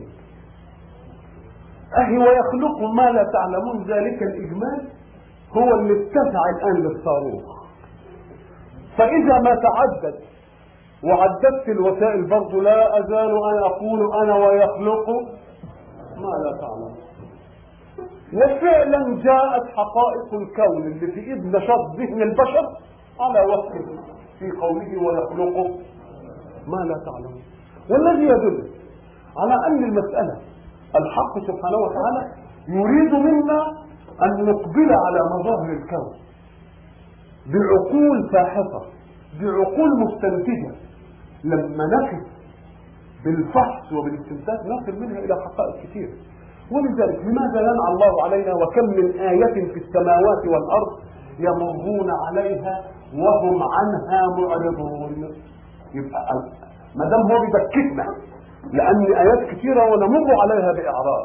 يبقى ماذا يريد منا إذن؟ المقابل أن لا نمر على الآيات بإعراض. عشان ومعنى لا نمر عليها بإعراض يعني لاحظوا. والملاحظة هي أول نظام تجريبي في العلم المادي. كل اللي ابتكروا أشياء واخترعوها أخذوها من من ملاحظة ظاهرة ظاهرة في ظواهر الكون. بعد ما لاحظوا جربوا عليها وبعدين عملوها نظرية وبعدين انتهت إلى بقى حقيقة علمية. الحق سبحانه وتعالى يوضحها شوية ويخلق ما لا تعلمون يأتي قلنا برضه إن نظام التكاثر اللي بينشأ من الزوجية ومن كل شيء خلقنا الزوجين على التكاثر. سبحان الذي خلق الأزواج كلها عشان التكاثر. يأتي الحق سبحانه وتعالى يقول برضه سبحانه سبحانه طب كلمة سبحانه دي تدل على إنها مسألة يعني لك لأنهم صحيح يلقحون الذكر من الأنثى في الشجر. وفي الحيوان يلقحوا برضه الأنثى بالذكر. وفيهم نفسهم بيلقحوا برضه لكن في أشياء ذهنهم ما يتسعش إن فيها لقاء أيضا.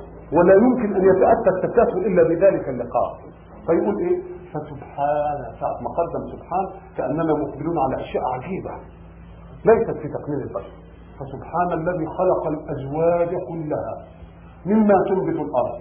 وهذا أمر يعرفونه ومن أنفسهم يعرفونه قال ومما لا يعلمون كأن بقية الأشياء والأجناس لازم فيها التفاهم طبعا لما جاء الكهرباء قلنا برضه جاب الموجب والسالب أتوا بموجبين فما جاءت شرارة. سالبين فما جاءت شرارة. موجب وسالب جاءت شرارة زوجين. والكهرباء خدت حظها مدة طويلة وبعدين جاء بقى بعد الحرب العالمية الأولى لما ألمانيا اخترعت اسطوانة تحطيم الجوهر الفرد وبعدين شافوا الذرة وجدوها برضه على هذا النظام. تبقى مسألة. كلها دايرة في إيه؟ ومما لا تعلم.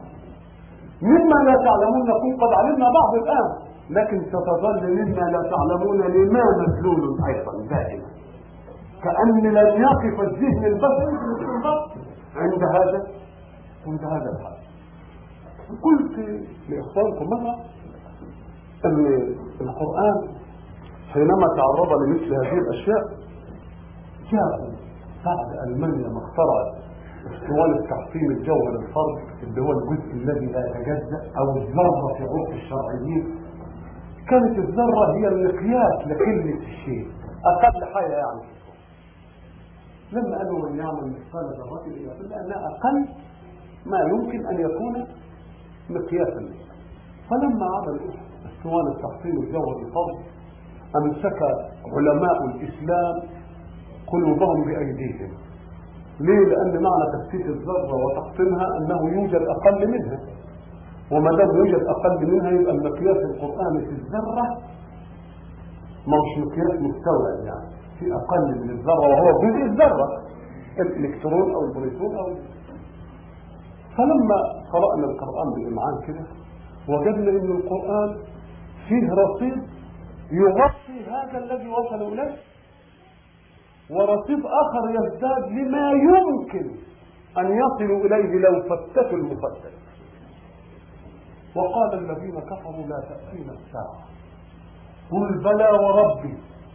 لتأتينكم. عالم الغيب. لا يعزب عن علمه مثقال ذرة في السماوات ولا في الأرض ولا أصغر من ذلك ولا أكبر. مش تفتيت؟ تفتيت وتجميع كمان وكلمة أصغر تدي مرحلتين لأن أصغر صغير وزيادة. فإذا قيل ذرة وصغيرة عن الذرة وأصغر من الصغير. هم الآن في نطاق صغير من الذر لوظيفه وفي القرآن رصيد يتسع لو حللوا ذلك الصغير إلى شيء آخر كما تأتي المحاولات القرآن مثلا حينما تعرض في الكون بيعرض ال ال الآيات بنفع الإنسان بها. وانتفاعك بخلق الله لا يعني أن الانتفاع يتأخر إلى أن تعلم. الأم ينتفع بالكهرباء وإن لم يعلم الكهرباء دي تيجي كيف ولا إيه هي؟ ينتفع. إذا فانتفاعك بالشيء لا يعني أنك لازم تدرك حقيقة فالقرآن حين يعرض على العالم وعلى العقل الآيات ينتفع بها. ليس معنى ذلك أن الانتفاع يتوقف على معرفة حقيقتها لأن معرفة الحقيقة لا تقلل من قيمة النفس في ضروريات الحياة وإن قللت النفع في طرف الحياة. فتريد أن تدرك تبحث فهو لا يتكلم مثلا عن كروية الأرض. لا يتكلم عن دورة الأرض. لا يتكلم عن إنك أنت كيف تصعد القمر والصاروخ والمش عارف إيه. لأن هذا الكلام قيل في القرن العشرين ووجد من لا يقبله بعقل. فما بالك لو جاء من لكن القرآن يعطي اللمحة والرمزية فقط. بحيث إذا أعملت عقلك وفكرك تهتدي إلى أن هذه حقائق. تبقى انتهيت إليها؟ لأنك أنت وجدت في آيات الكون ما يمكن أن يشرح شيئا في أبي والعلماء رضي الله عنهم السابقون معذورون لماذا؟ لأنهم كانوا يفسرون القرآن كما يفسره نحن الآن وكما يفسره العلماء أستغفر الله كما يفسره العلماء بالطاقة البشرية. وما دام بالطاقة البشرية إذا فبيئة الفكر لها فيه. ولذلك لا تجد لا تجد فهما زائدا في القرآن يتعلق بالأحكام المطلوبة من كل مكلف. لأن المكلف ساعة نزل القرآن كالمكلف يوم أن تقوم الساعة. ولذلك يسمون آيات الأحكام محكمات هن أم الكتاب. وأخر متشابهات. هذا التشابه بقى في طيه الأشياء. ويكون متشابها حين تستوي الحقائق في مجاهلها. أما أن يوجد شيء كوني يرجح حقيقة على حقيقة فذلك يرجح مش ممكن أبدا يتعرض. إلى أن الأرض بتدور. إلى أن الأرض كروية مش ممكن. لماذا؟ قال لك لأن دي مسألة. الحس الآن ما عندوش الآلات اللي تدرك فيها هذا. إحنا احسسناها لأنها ما عادتش بأدلة عقلية. عادت مرئية. طلعوا فوق وصوروها وطلعت ضرورية ما عادش في جدل. وأيضا دورانها. بقى محال. لماذا؟ لأنه بيحسب دورتها قد كده والشمس دورتها قد كده والقمر دورتها قد كده. ففي الوقت الفلاني تكون الشمس بين القمر تكون الأرض بين القمر والشمس. فيحصل كذا. خسوف للقمر يكون القمر بين الشمس والأرض. فيحصل كسوف للشمس تمسك الساعة. كل حلق دائري تمسك الساعة. في الوقت اللي هو في صدق الأرض. لو أن أي مقدمة من هذه مقدمة مختلة ما جاءت النتيجة مستقيمة إذا ما كان ممكن أبدا أن نتكلم في هذا لأن دي مسألة ما يمكنش يقوم عليها الحساب. لكنه يعطي الإشارات الدالة. لمح يوم الحق سبحانه وتعالى المفسرين القدامى ساعة كانوا مثلا يقرأوا قول الله سبحانه وتعالى وترى الأرض جبال تحسبها جامدة وهي تمر مر السحاب. صنع الله الذي أتقن كل شيء. اكمنهم لا يرون الجبال متحملة يقول لك ده هذا في الآخرة كتر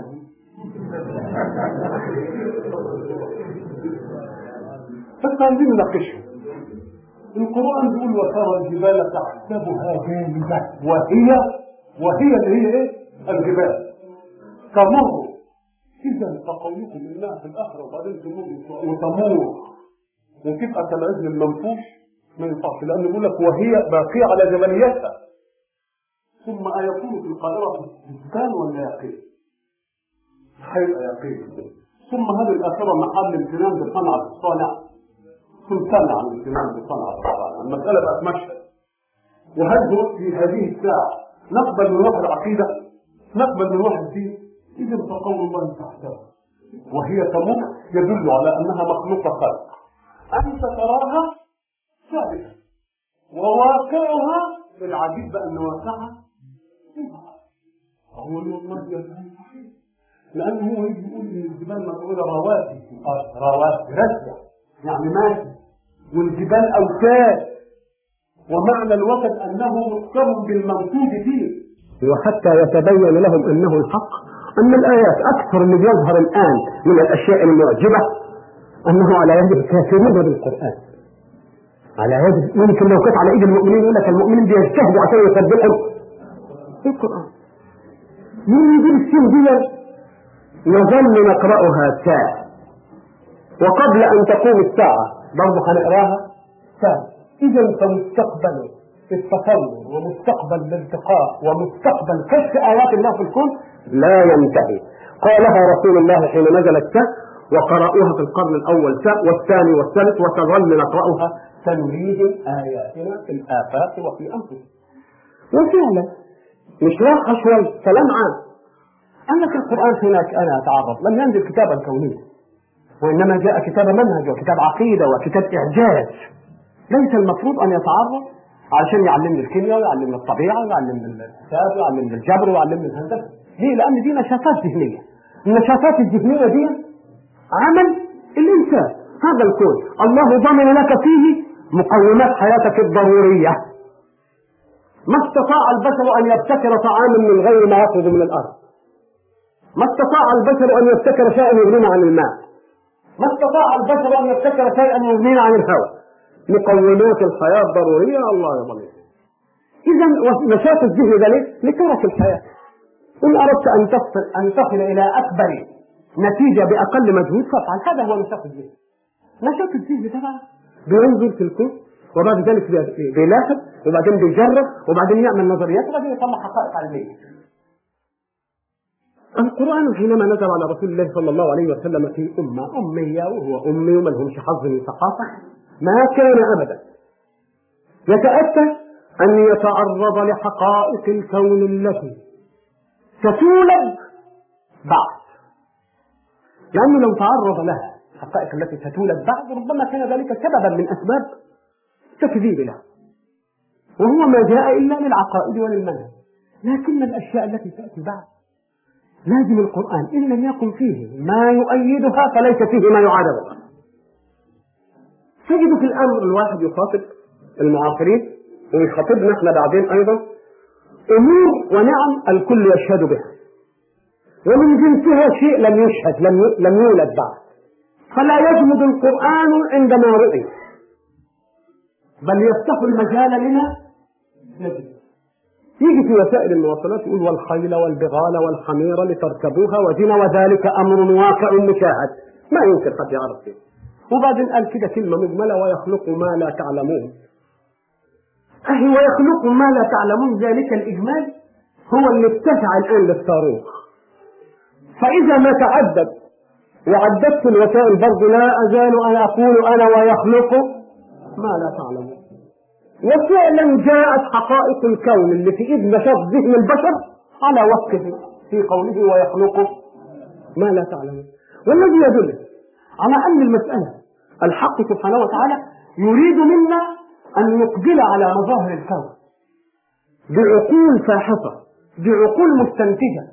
لما نكد بالفحص وبالاستنتاج نصل منها إلى حقائق كثيره ولذلك لماذا ينعى الله علينا وكم من آية في السماوات والأرض يمرون عليها وهم عنها معرضون. يبقى ما دام هو بيدكتنا لأن آيات كثيرة ونمر عليها بإعراض. يبقى ماذا يريد منا إذن؟ المقابل. ألا نمر على الآيات بإعراض. عشان ومعنى لا نمر عليها بإعراض يعني لاحظوا. والملاحظة هي أول نظام تجريبي في العلم المادي كل من ابتكروا أشياء واخترعوها أخذوها من من ملاحظة ظاهر ظاهرة في ظواهر الكون. بعد ما لاحظوا جربوا عليها وبعدين عملوها نظرية وبعدين انتهت إلى بقى حقيقة علمية. الحق سبحانه وتعالى يوضحها. شوية ويخلق ما لا تعلمون. يأتي قلنا برضه إن نظام التكاثر اللي بينشأ من الزوجية ومن كل شيء خلقنا زوجين على التكاثر. سبحان الذي خلق الأزواج كلها عشان التكاثر. يأتي الحق سبحانه وتعالى يقول برضه سبحانه. سبحانه. طب كلمة سبحانه دي تدل على إنها مسألة يعني قال لك لأنهم صحيح يلكسون الذكر من الأنثى في الشجر. وفي الحيوان يلكسوا برضه الأنثى بالذكر. وفيهم نفسهم بيلقحوا برضه. لكن في أشياء ذهنهم ما يتسعش إنها إن فيها لقاء أيضا. ولا يمكن أن يتأتى التكاثر إلا بذلك اللقاء. فيقول إيه؟ فسبحان ساعة ما قدم سبحان كأننا مقبلون على أشياء عجيبة. ليست في تقليل البشر. فسبحان الذي خلق الأزواج كلها مما تنبت الأرض وهذا أمر يعرفونه. ومن أنفسهم يعرفونه. قال ومما لا يعلمون. كأن بقية الأشياء والأجناس لازم فيها التكاثر طبعا لما جاءت الكهرباء قلنا برضه الموجب والسالب أتوا بموجبين فما جاءت شرارة. سالبين فما جاءت شرارة. موجب وسالب جاء شرارة زوجين والكهرباء خدت حظها مدة طويلة وبعدين جاء بقى بعد الحرب العالمية الأولى لما ألمانيا اخترعت اسمها التحصين الجوهري الفرد وبعدين شافوا الذرة وجدوها برضه على هذا النظام. تبقى مسألة كلها دايرة في إيه؟ ومما لا تعلم. مما لا تعلمون نكون قد علمنا بعض الآن. لكن ستظل مما لا تعلمون لما مدلول أيضا دائما. كأن لم يقف الذهن البشري في الاستنباط. عند هذا؟ عند هذا الحد قلت لإخوانكم مرة أن القرآن حينما تعرض لمثل هذه الأشياء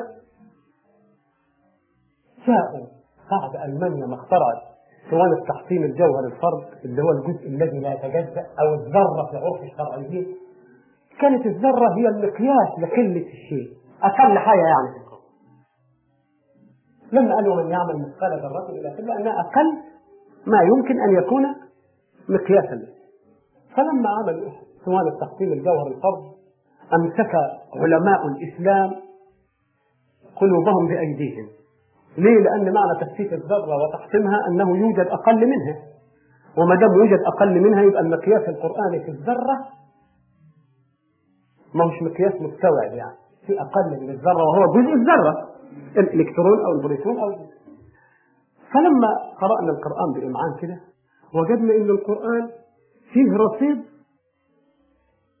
يغطي هذا الذي وصل إليه ورصيد آخر يزداد لما يمكن أن يصلوا إليه لو فتتوا المفتت. وقال الذين كفروا لا تأتينا الساعة. قل بلى وربي.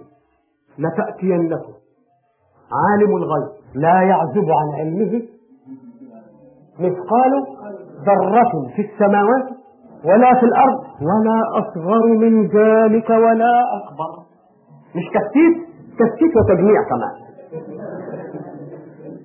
وكلمة أصغر تدي مرحلتين لأن أصغر صغير وزيادة.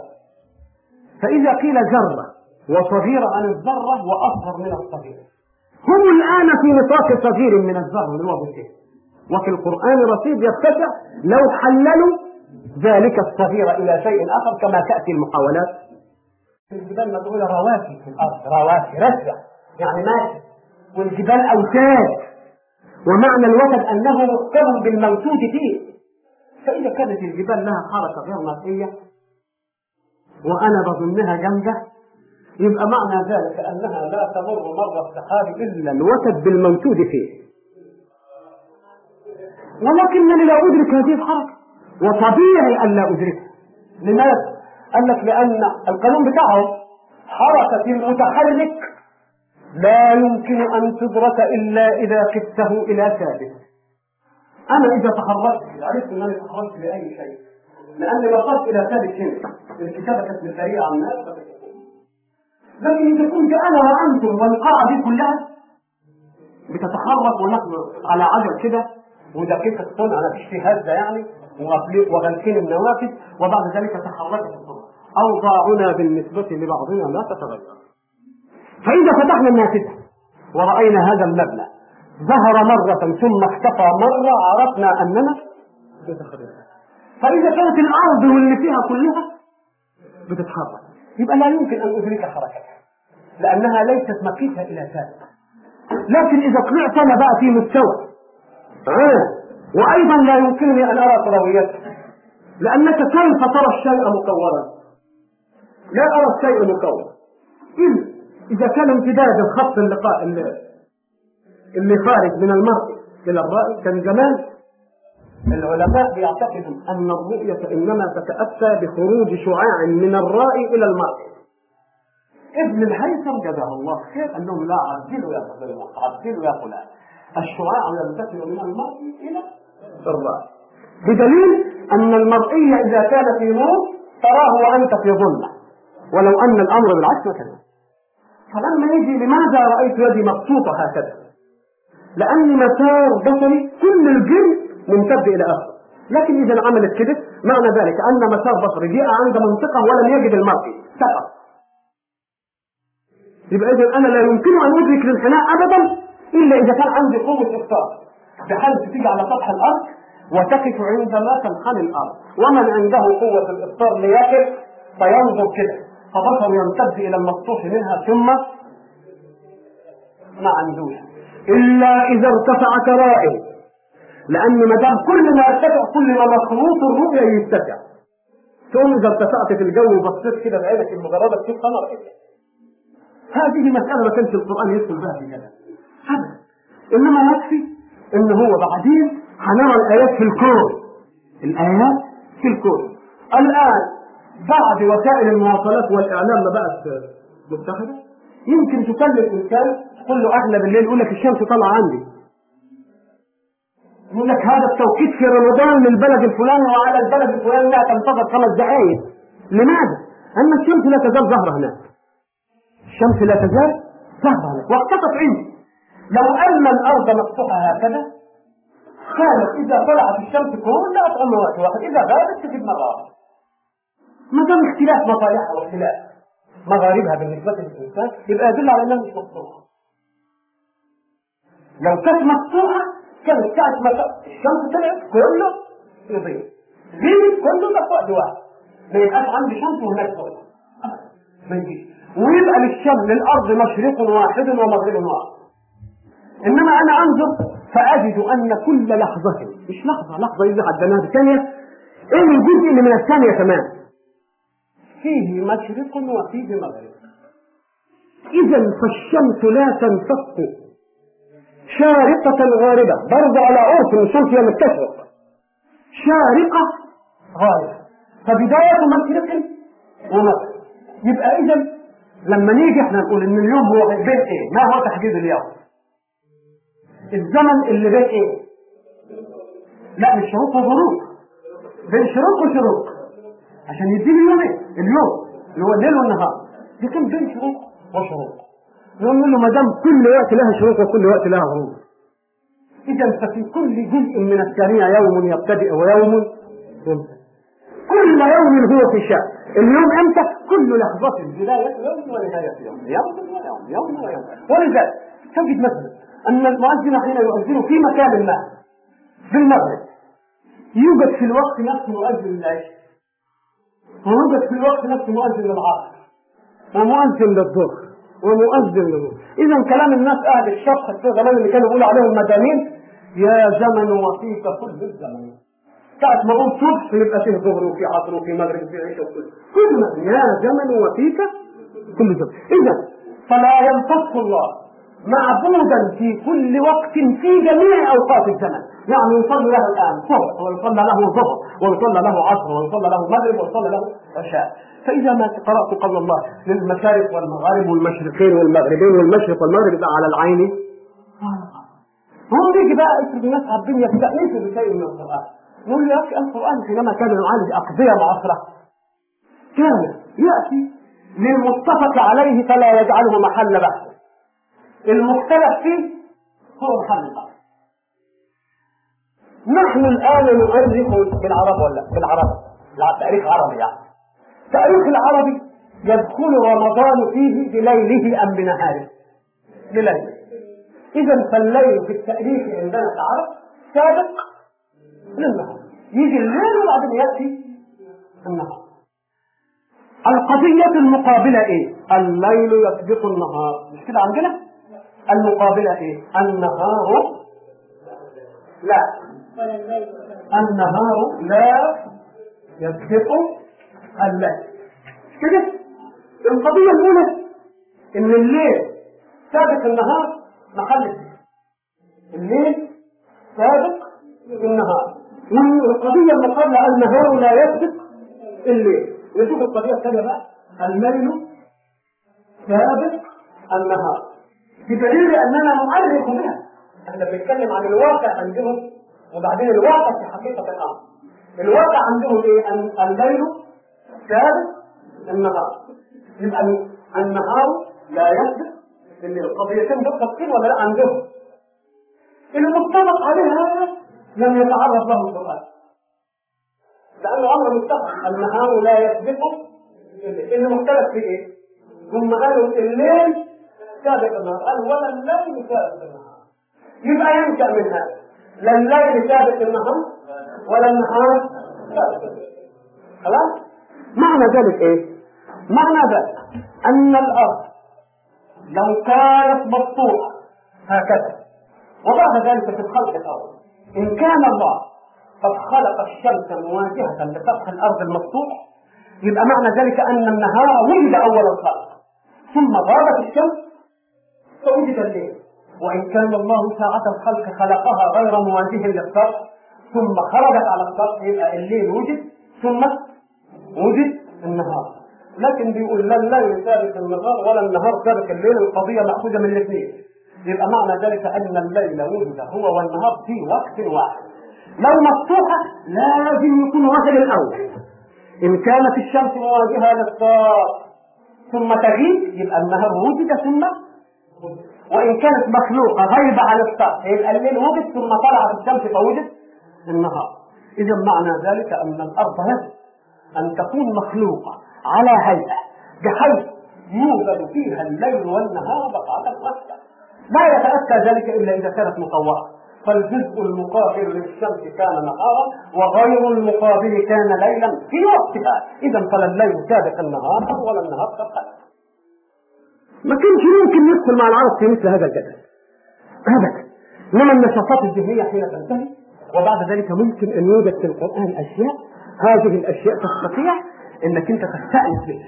ليس معنى هذا إن القرآن يجي يقول لي سورة في كروية الأرض. سورة في دوران الأرض. ما يقوليش هذا الكلام إنما يمسها لمحة. ولذلك كثير من الاخبار العلميه تأتي أثناء سرد مسائل ثم يأتي جملة بسيطة كده تديك رد لقضية علميه زمان كانوا يختلفون في مركز الإحساس في الإنسان الواحد يحس بايه؟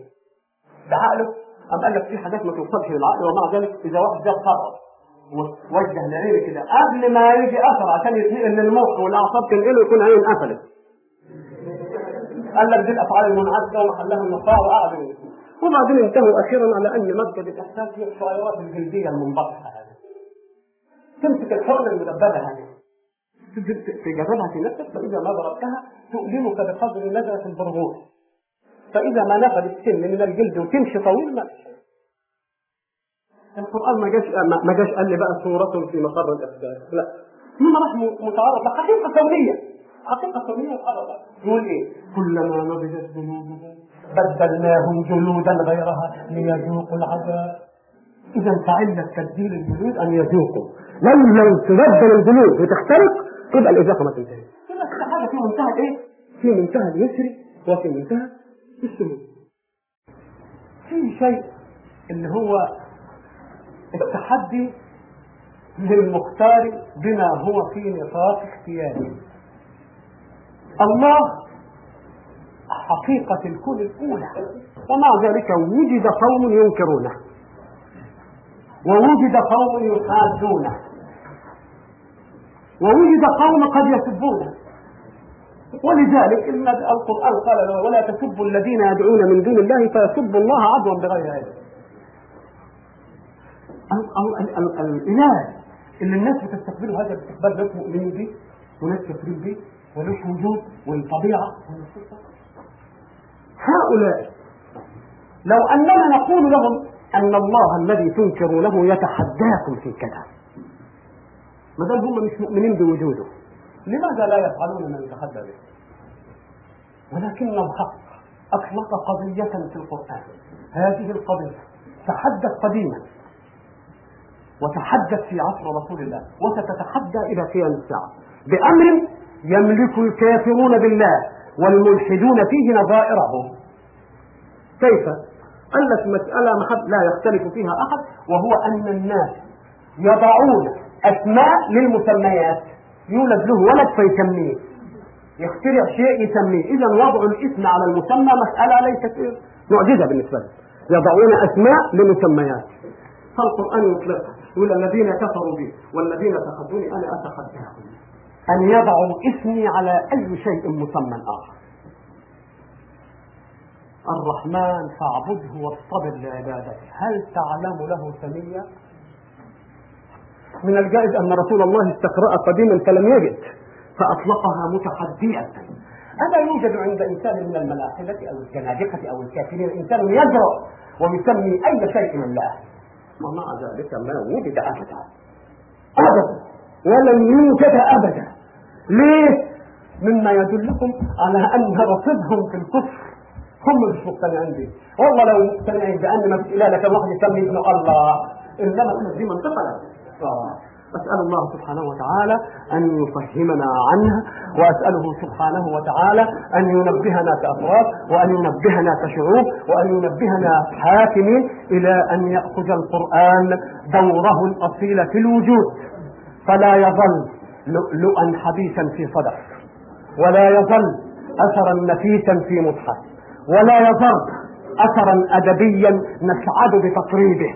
بل نريد إن شاء الله أن يباشر القرآن منهجه في الوجود صفاء عقيدة وسمو وتشريع وسبق مبادئ واكتمال أقضية ونمو مضمون أسأله سبحانه وتعالى أن يوفقنا إلى ذلك وحين يوجد ذلك سنقول جميعا للدنيا بلسان الإسلام أطفئوا مصابيح عقولكم فقد طلعت شمس الله.